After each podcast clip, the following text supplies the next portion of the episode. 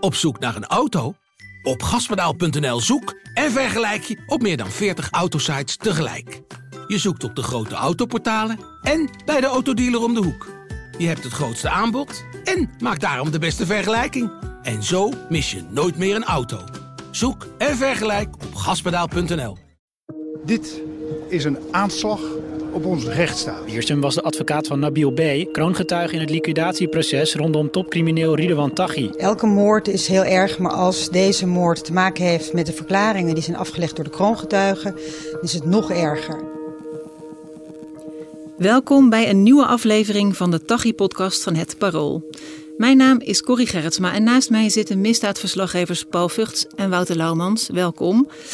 Uh, bijna een jaar nadat Peter de Vries werd neergeschoten, begon vandaag de inhoudelijke behandeling van de strafzaak tegen de twee verdachten. We gaan het hebben over de verdachte, de strafeis van het OM en over de nabestaanden die het woord kregen. En laten we daar gelijk beginnen, Paul en Wouter. Hoe was het vandaag in de rechtszaal? Het is een super heftige zaak. Uh, allereerst vanwege de nabestaanden die daar inderdaad een uh, verhaal komen doen over hun vader die zomaar uit het leven is uh, geschoten midden in de stad en uh, midden voor de terrassen. als daad van terreur, durven we wel te zeggen. Daar komen we zo meteen nog wel op terug. Mm -hmm. nou ja, Wouter en ik kennen hem. ik kende Peter natuurlijk ook. we waren allebei niet zijn beste vriend, maar we waren wel gewoon collega's die veel met hem omgingen. En ja, het is wel wel super heftig. Als je, als je hem dan ook ziet lopen, dan zijn er heel veel beelden afgedraaid vandaag. En uh, ja, dan, dan zie je wel weer Peter zoals Peter liep, een beetje verend en zo. En dan ineens loopt er tot twee keer toe een uh, man achter die uh, volgens justitie de verdachte Camille E is. Die hem achtervolgt en een precieze gang aan nagaan is. ja, en de derde keer wordt dan ehm, dat zo allemaal um, geobserveerd. Dus ehm, hem nagelopen en dan wordt hij doodgeschoten. Ja, ik kan me voorstellen dat het wat persoonlijker voelt dan een willekeurige andere strafzaak. Ja, dat, deed ziet. het ook. Ik bedoel, ik, ik, zag, ik zag die beelden. En toen dacht ik, ah, zo gaat het dus. Uh, je ziet Peter lopen. Dan springt er iemand uh, uit een portiek. Of die springt achter hem.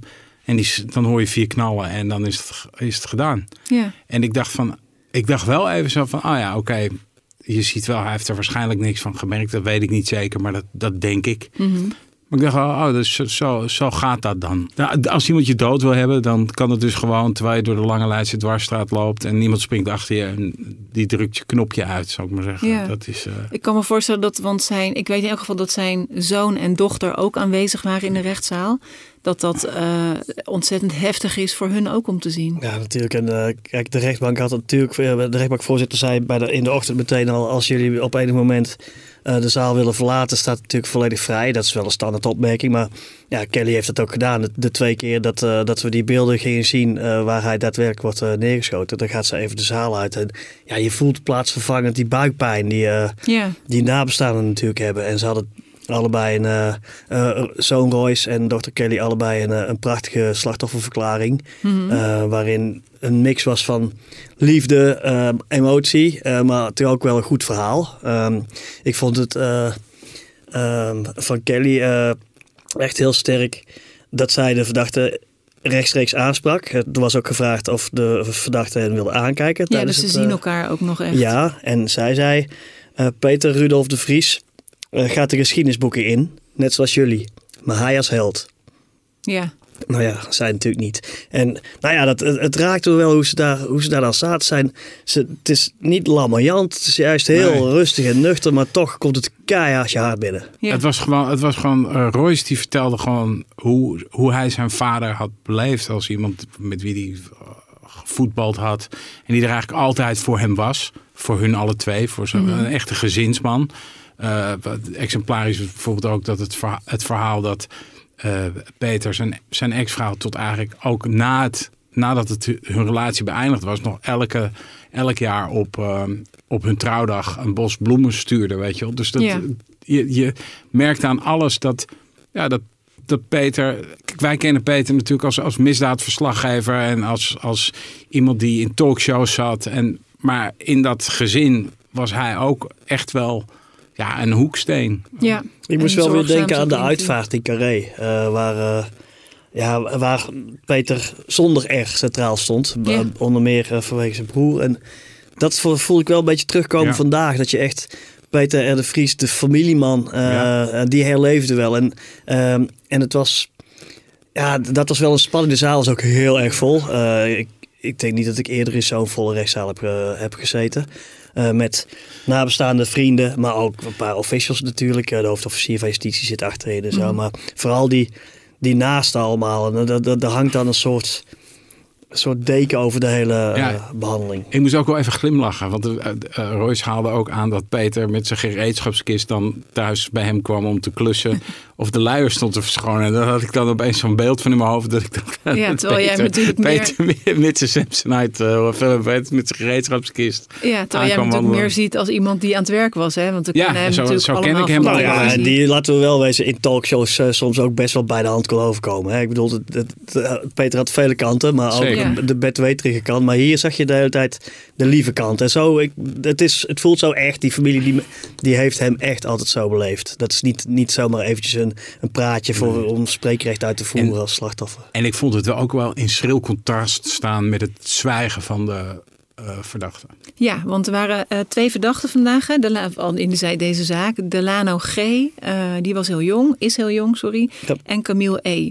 Wat kunnen we zeggen over hun? Uh, laten we beginnen met Camille E. Kijk, wat kunnen we zeggen over zijn houding in de recht? Dat heet een proceshouding. Uh, hij heeft in het begin, uh, en dat vind ik wel hier een mooi woord, omdat hij volgens mij echt een totaal verkeerde proceshouding heeft gedaan. Je hij heeft eerst gezegd, volgens mij allebei. Hij heeft, ja, zij allebei, maar inderdaad, Camille Even Eyers, uitleggen voor de luisteraar. Die heeft want gezegd, wat deden ze precies? Hij uh, is, het is begonnen, uh, zijn rol werd uh, als chauffeur gezien, chauffeur van de vluchtauto. Ja. Ze zijn weggereden in een gestolen uh, grijze Renault Kadjar. Uh, getuigen hebben uh, een deel van het kenteken uh, gezien. Genoeg om het in die uh, slimme verkeerscamera's te mm -hmm. kunnen zetten. En een motoragent heeft onderweg, heeft ze zien rijden. Zijn ze bij de A4 in Leidschendam uh, van de weg gehaald. Camille reed en uh, Delano G zat op de bijrijdersstoel. Maar hij heeft altijd gezegd, ja, ik moest een auto van, of een persoon in een mij onbekende auto van Rotterdam naar Amsterdam brengen. Ik wist niet waarom, ik had 100 euro, uh, kreeg ik dan om het te eten en uh, te tanken. Mhm. Mm -hmm. Nou, later komt daarbij, komen we zo meteen nog wel op terug, dat er allerlei communicatie is gevonden waaruit blijkt dat hij uh, een, een veel uh, grotere rol heeft gespeeld. Maar vandaag uh, kwam die ineens met een, met een nieuwe verklaring waar, waar niemand op was voorbereid. Dat er nog in die auto een derde man zou hebben gezeten, een Pool. Maar die was onderweg uitgestapt dan? Want toen, toen ze werden aangehouden zat hij er niet in, Hij zat er niet in. Hij staat ook op geen enkel beeld van de camera's die allemaal het in de binnenstad hebben gefilmd. Nou ja, um, ik, ik, soms is het een beetje vroeger om voor pleidooi al te zeggen wie je wel of niet gelooft. Maar hier gelooft mm -hmm. echt niemand ene s'nachts van. En dat, uh, ja, de, een van de officieren van justitie zei, ja, er komt vandaag ineens een pol uit de lucht vallen. En nou ja, dat was wel een mooie beeldspraak, vond ik. En je moet je voorstellen dat hij staat dan op allerlei camerabeelden. Hij heeft hele opvallende tatoeages in zijn, uh, in zijn nek, vooral mm -hmm. op zijn handen. En ja, dan kijkt hij in een camera zo'n beetje... Uh, ja, en dan denk je, oh ja, dat is, daar hebben we Camille.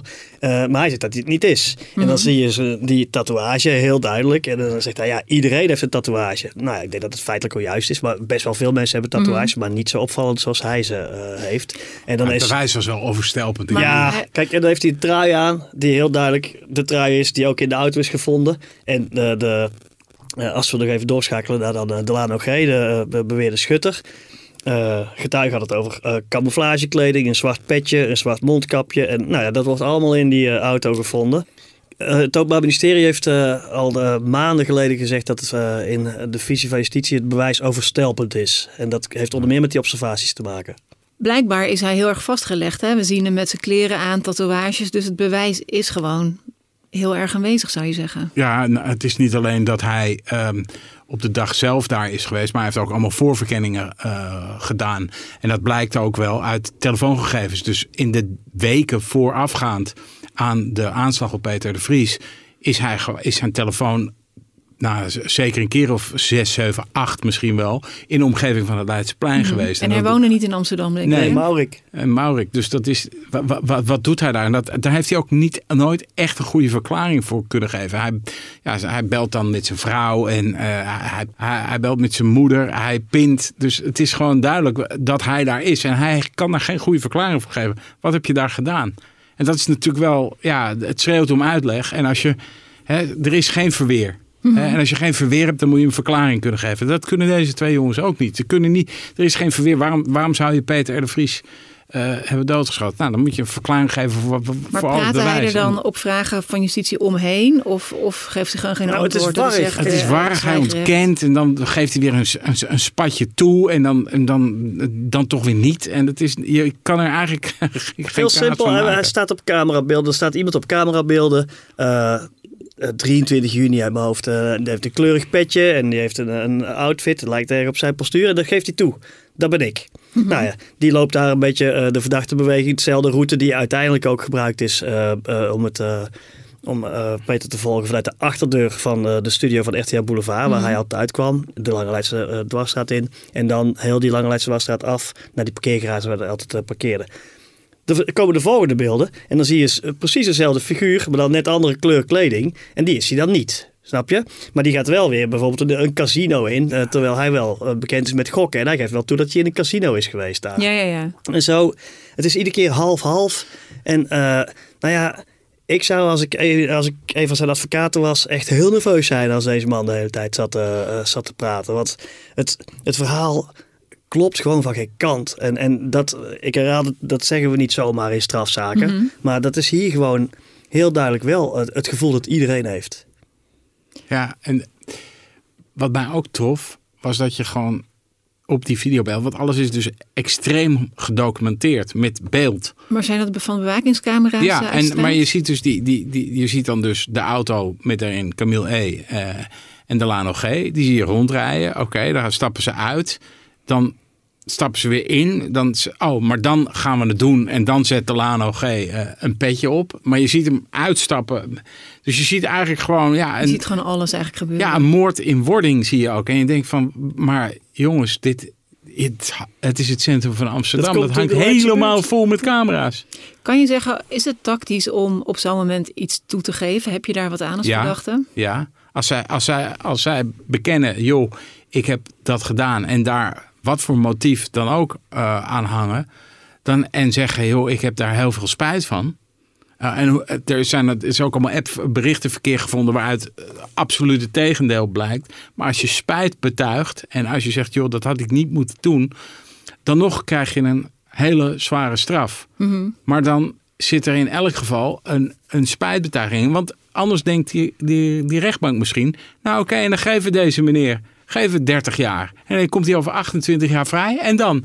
Die jongen heeft er niet eens spijt van. Wat maakt, nou, wat maakt uit? Wat, zullen we daarmee, wat moeten we daarmee? En dat is heel erg de rode draad in het requisitor van het Openbaar Ministerie. Naarmate je meer bij de strafeis kwam aan het eind van, de, van het requisitor, naarmate dat weer werd eh, benadrukt. Kijk, en je, een jongen van 22, als die zegt, ik beken volledig. Dat ik stond Delano, onder zware druk. 22. Delano G.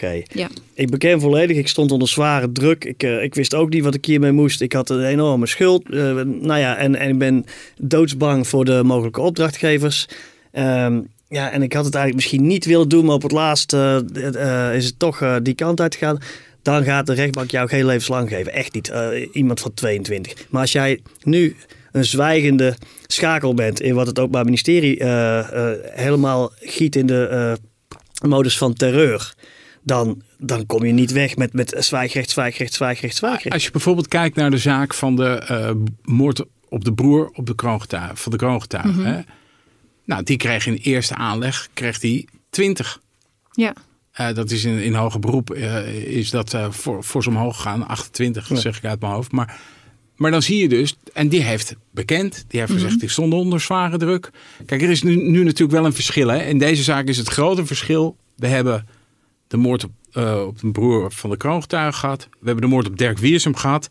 En, en die zaken waren al voor de rechter geweest. En dan nog wordt er dit gedaan. Ja. Dus je kan je ook voorstellen dat de rechtbank hier uiteindelijk zal denken... nou, we gaan nu eens een signaal geven dat het potverdomme echt afgelopen Maar dat was eigenlijk bij eh, de veroordeling van de verdachte van de moord op Wiersum ook zo. Want die kreeg 30 jaar. Ja, daar is leven, levenslang geëist. Mhm.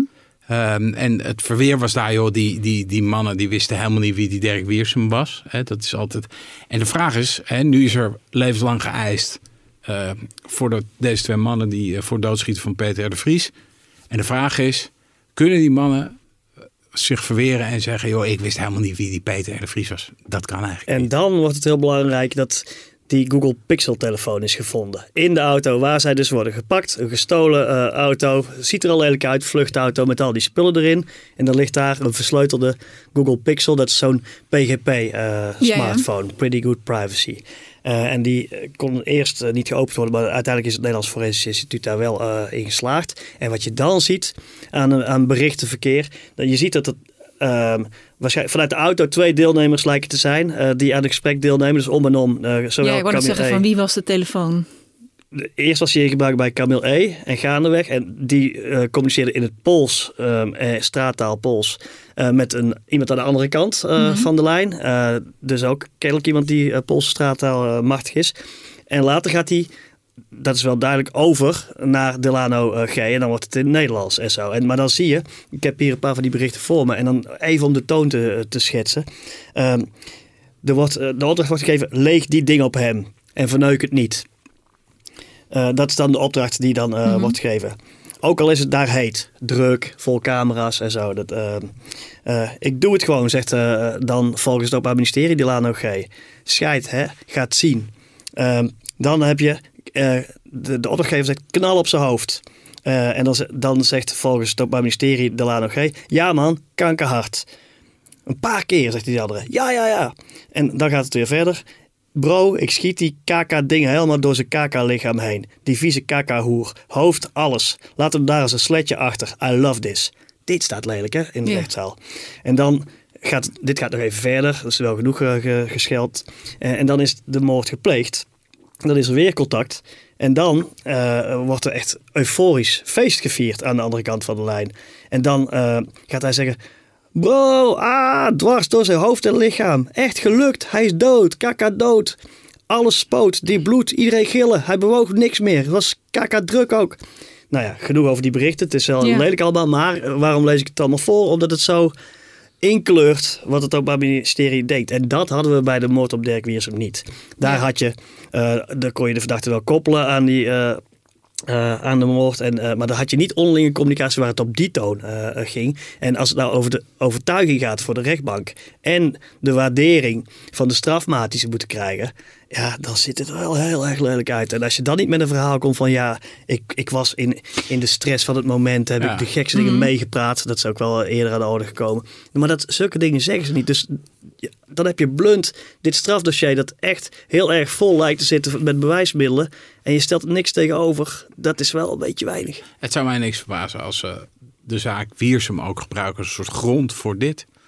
Dat ze zeggen van joh, weet je, dit is gebeurd. Is een advocaat geschoten, heel Nederland in rep en roer. En vervolgens wordt er nog zoiets gedaan. En dat is ook hoe het. Openbaar Ministerie het requisitor uiteindelijk had ingericht. Dus ze zeggen, we hebben drie data. Eerst noemen ze alleen die data. Retorisch best wel sterk.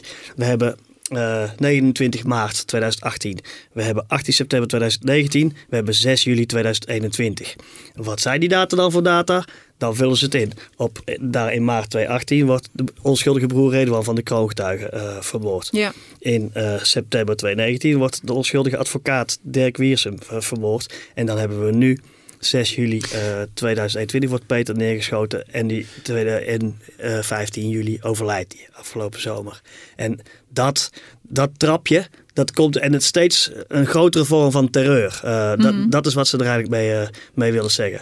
En, Ja, en waar veel- eindigt dit? Midden in Amsterdam, voor de terrassen, klaar ligt de dag. eh, daar zou je De, ja, de vraag op de gang, hè, waar, waar, waar wij dan over praten met advocaten en eh, ook met elkaar natuurlijk, is van, van gaat die rechtbank, er ligt nu een eis van levenslang, gaat die rechtbank daarin mee?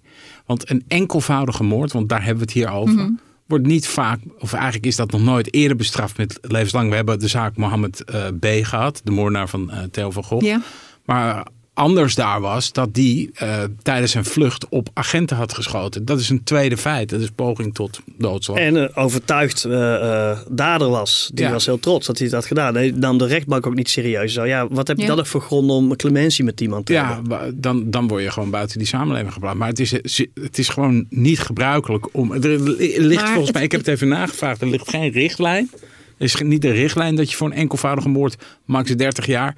Krijgt. Maar het gebeurt eigenlijk nooit. En dat zou dus een unicum zijn als de rechtbank hier meegaat en, en zegt: joh, uh, jullie verdienen het niet meer om, uh, om terug te nee, keren maar naar de het, cynische is natuurlijk wel dat je ook een beetje denkt van ja, als het bij Dirk Wiersum uh, als afschrikwekkende maatregel die 30 jaar niet helpt.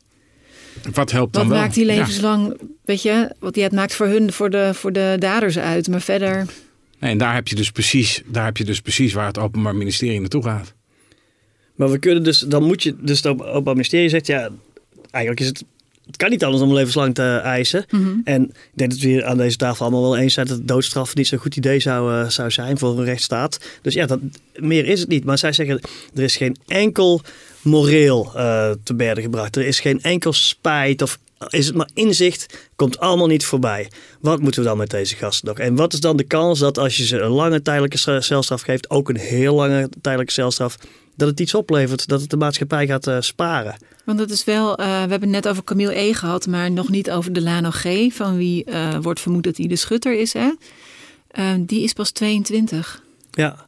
Ja, ja je, moet, je, moet, je moet bedenken, kijk, als die 30 jaar krijgt, dan is het 28 effectief zitten, want je hebt twee jaar aftrek. Dus dan is die op zijn vijftigste zou die terug kunnen keren in de maatschappij. Ja, ja. Stel iemand, wat is de gemiddelde leeftijd voor een man? Geloof ik iets van in de 80. Nou, dan betekent het dus voor hem bijna uh, 68 jaar of uh, mm -hmm. 58 jaar zitten. Sorry, dat is, dat is echt enorm lang. En Paul en ik Ja, zitten dat bij heel veel strafzaken de afgelopen jaren, waarbij betrekkelijk jonge jongens dit soort straffen krijgen. En eh, levenslang in Nederland is levenslang. Hè? Dat is niet eh, dat je. Het is zoals... niet toch afgerond 30 of Nee, nee, nee. 28. Levenslang is de rest van je leven zitten. Er is één ding bijgekomen en dat is op, op druk van het Europese Hof voor de Rechten van de Mens.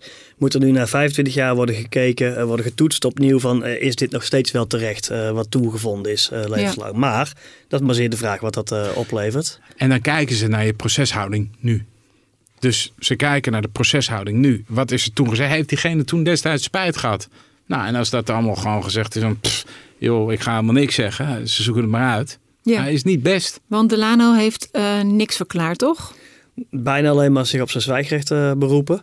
Ja, en dan, ik heb net die berichten allemaal geciteerd, waarvan het Openbaar Ministerie zegt dat hij daar degene is die Mhm. aan het woord is vanuit de auto.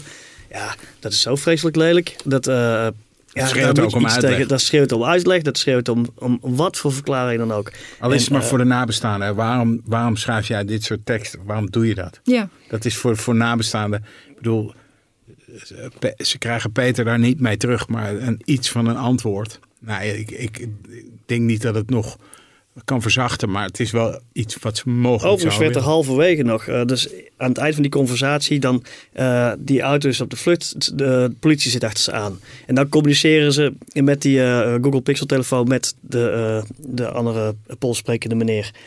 En dan gaat het op een gegeven moment, wordt er gezegd, laat die grote, laat de, de, pistoolmitrailleur die ze ook hadden. Dus Peter is met een omgebouwd eh, alarmpistool eh, doodgeschoten. Maar ze hebben ook een heel groot pistoolmitrailleur, waarvan weer filmpjes bestaan dat ze willen proefschieten in het westelijk havengebied. En dat ding doet het niet. Maar er is kennelijk, dat laat die grote kun je niet anders dat betekent dan schiet maar op de politie met dat ding om te proberen weg te komen. Ja. En dat zegt de persoon aan de andere kant van de lijn. En het is evident dat de persoon aan de andere kant van de lijn maar één belang heeft. Dat is eigen belang. Hij gooit eigenlijk die jongen stuk. Er is geen overstapauto geregeld. Er is geen onderduikadres geregeld. natuurlijk. Zelf hebben ze helemaal nergens over nagedacht. Hoe kom je uit het centrum van Amsterdam weg en blijf je weg? En zeker Wel die camera's. Ja. Ehm, en dan, dan zie je ook aan de andere kant van de lijn dat gezegd wordt... oh, en eet de simkaart op. Zorg dat die Pool die simkaart opeet en het telefoonstuk maakt. Dat heeft natuurlijk maar één doel. Het bewijs tegen de andere Ja. kant eh, wegnemen. Eh, in plaats van eh, kijken hoe je hier nog die jongens kunt redden ergens uit. Deze jongens waren kanonnenvoer. En dat is evident. Maar dat is de tweede. Paul stipt daarmee natuurlijk wel de tweede vraag aan. Die boven dit, eh, dit proces hangt. En dat is. eh, hoe staat het met het, met het laag hierboven? Wie Ja. zijn de opdrachtgevers van deze twee mannen? En wat zit daar dan weer boven? Wie zijn dat? En hoe groot is het zicht op die eh, mensen? En ik bedoel, eh, het Openbaar Ministerie liet daar wel iets van los. Hè. Ze hadden het over een separaat onderzoek naar eh, degene die dus per telefoon hun aanstuurt. Dat is eigenlijk het enige wat ze weten dan ook. Dat Die is berichten ook. in die telefoon. Ja, maar dat, dat komt. Kijk, er is meteen besloten. Het Amsterdamse recherche en het Openbaar Ministerie doet de uitvoerders. Mhm. Deze jongens over wie we het hebben. Ja. En de landelijke recherche, ehm, die doet de, eh, de, de laag daarboven en mogelijk nog daar weer boven. Ja. En dus proberen ze die onderzoeken te scheiden. Dus de officieren van justitie hier, die gaan niet daar allemaal dingen over lopen roepen over hun collega's, waar die, die er misschien last van kunnen hebben. En eh, kijk, Wouter en ik weten dat, dat, dat er zicht is op wie, wie diegene is aan de andere kant van de lijn. En ik denk ook nog wel een paar meer eh, daaromheen. Of we daarmee ook helemaal bovenaan komen. eh, de naam die niet genoemd wordt. Mhm. De naam Ridwan Taghi is niet genoemd. Maar het Openbaar Ministerie zegt wel. We zien dit allemaal in één hoek. De kroongetuigen tegen eh Ridwan Taghi en consorten. Eh zijn broer wordt doodgeschoten. Zijn advocaat wordt doodgeschoten. Peter R. de Vries wordt Ja. doodgeschoten. We zien geen ander scenario dan dat Peter R. de Vries is doodgeschoten. Vanwege de verklaringen van de kroongetuigen. En dan vanwege zijn rol als vertrouwensman. Nou, dus gaan we hier nog meer. Ik geloof er eh, sterk in dat er nog een tweede proces komt tegen mensen boven deze eh, vermoede uitvoerders. We moeten nog steeds die slag op de armen nemen, want de rechtbank mag nog spreken. Eh, maar we, ik ben wel heel erg benieuwd hoe ver ze daar gaan komen. En, en wat voor soort figuren dat zijn. En of je daaraan kunt zien met wie zij dan altijd weer in contact hebben gestaan in het verleden. Dat willen we natuurlijk graag weten. Ehm, nog over deze zaak. Er is volgende week nog één zitting. En ik hoorde bij ons op de paroolredactie verbazing dat de inhoudelijke behandeling van deze eh, heftige moord maar twee dagen duurt. Ik snap die, ik snap die gedachte wel. ehm, omdat we bijvoorbeeld eindeloos over zo'n Marengo-proces Ja. bezig zijn. Het klinkt raar, maar de moord op Peter R. de Vries is een vrij recht toe recht aan moordonderzoek. En we hebben twee verdachten, de uitvoerders. Die staan op beeld. Die hangen er eigenlijk met boter en suiker liggen die erin. Ja, en gek genoeg is het dat dan. Ja.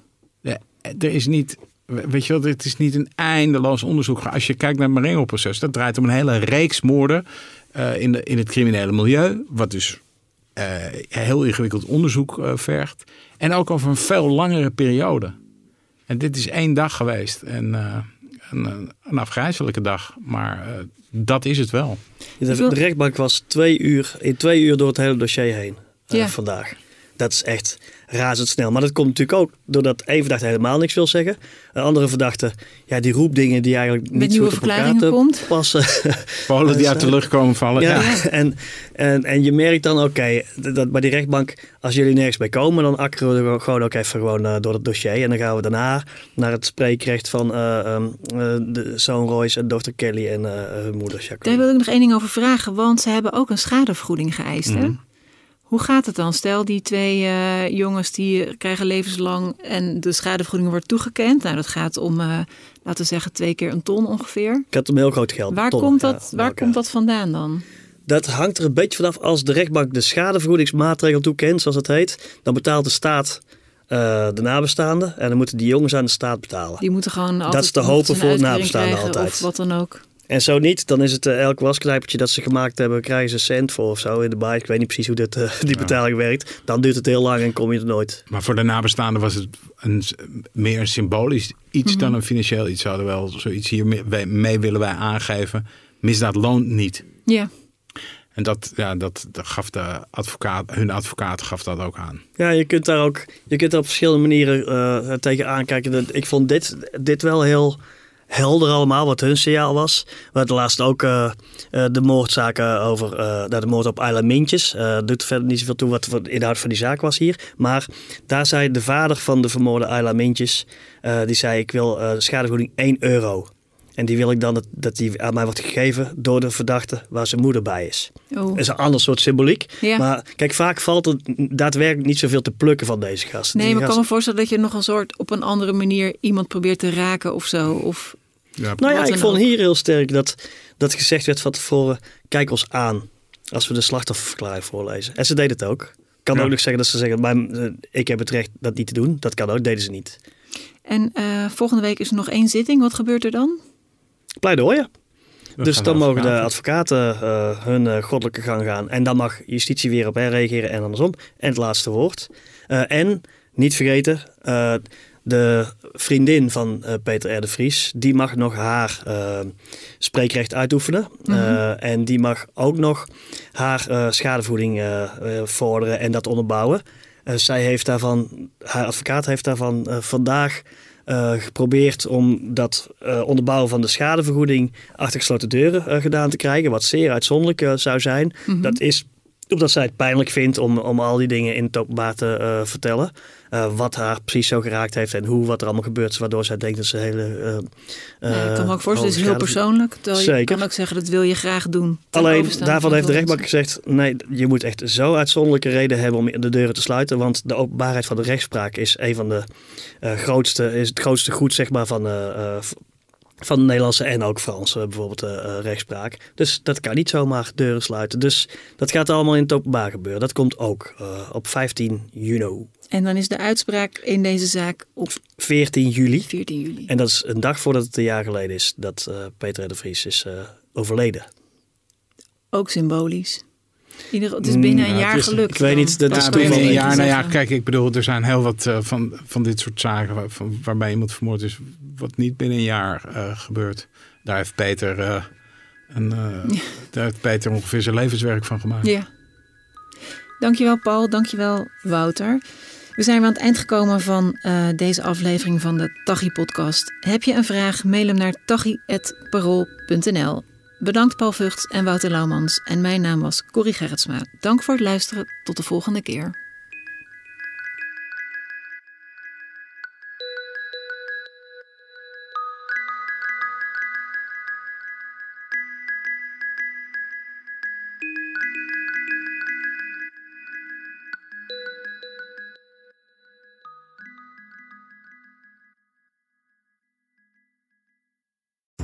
We worden dagelijks overladen met overbodige informatie. En het is moeilijk de zin van de onzin te scheiden. Daarom vertrouw ik op echte journalisten in plaats van meningen. Een krantenmens heeft het gemakkelijk. Word ook een krantenmens en lees je favoriete krant nu tot al zes weken gratis. Ga snel naar krant.nl. Bezorging stopt automatisch en op deze actie zijn actievoorwaarden van toepassing. Op zoek naar een auto? Op gaspedaal.nl zoek en vergelijk je op meer dan 40 autosites tegelijk. Je zoekt op de grote autoportalen en bij de autodealer om de hoek. Je hebt het grootste aanbod en maakt daarom de beste vergelijking. En zo mis je nooit meer een auto. Zoek en vergelijk op gaspedaal.nl.